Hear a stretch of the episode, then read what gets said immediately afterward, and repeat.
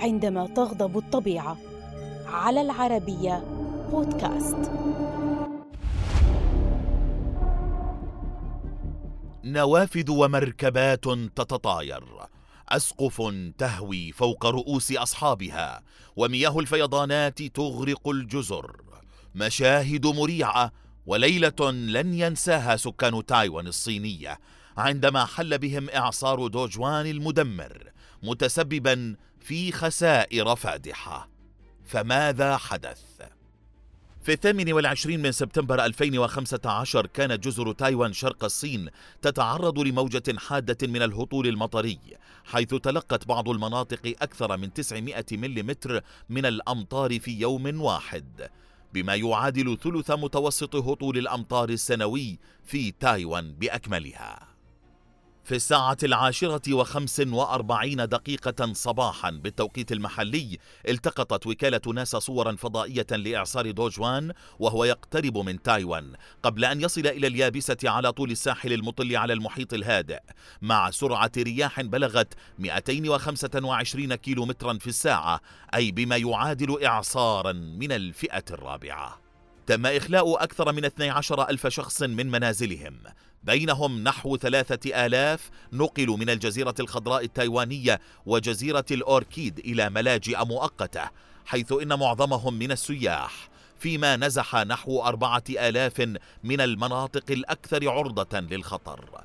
وصدرت أوامر بإغلاق المدارس وتعطيل رحلات نقل جوي وأخرى عن طريق السكك الحديدية كما ألغت فرقة الروك الأمريكية بون جوفي حفلتها المقررة الليلة التالية. في غضون ساعات قليلة كانت الفيضانات قد عمت الكثير من المناطق متركزة في مقاطعتي تشيجيانغ وفوجيان وقطعت الطرق فيما انقطعت الكهرباء عن مليون ونصف المليون أسرة ليحل الظلام في مساحات واسعة من المنطقة الشرقية. تسببت الأمطار في ارتفاع منسوب المياه في 36 خزانا و29 نهرا في مقاطعة تشيجيانغ وامتلأت ضفاف نهر شينديان في تايبيه بحطام العاصفة فيما اقتلعت الرياح شديدة الأشجار وأسقطت واجهات المحال وحطمت نوافذ المنازل وألحقت أضرارا بالغة بالمباني.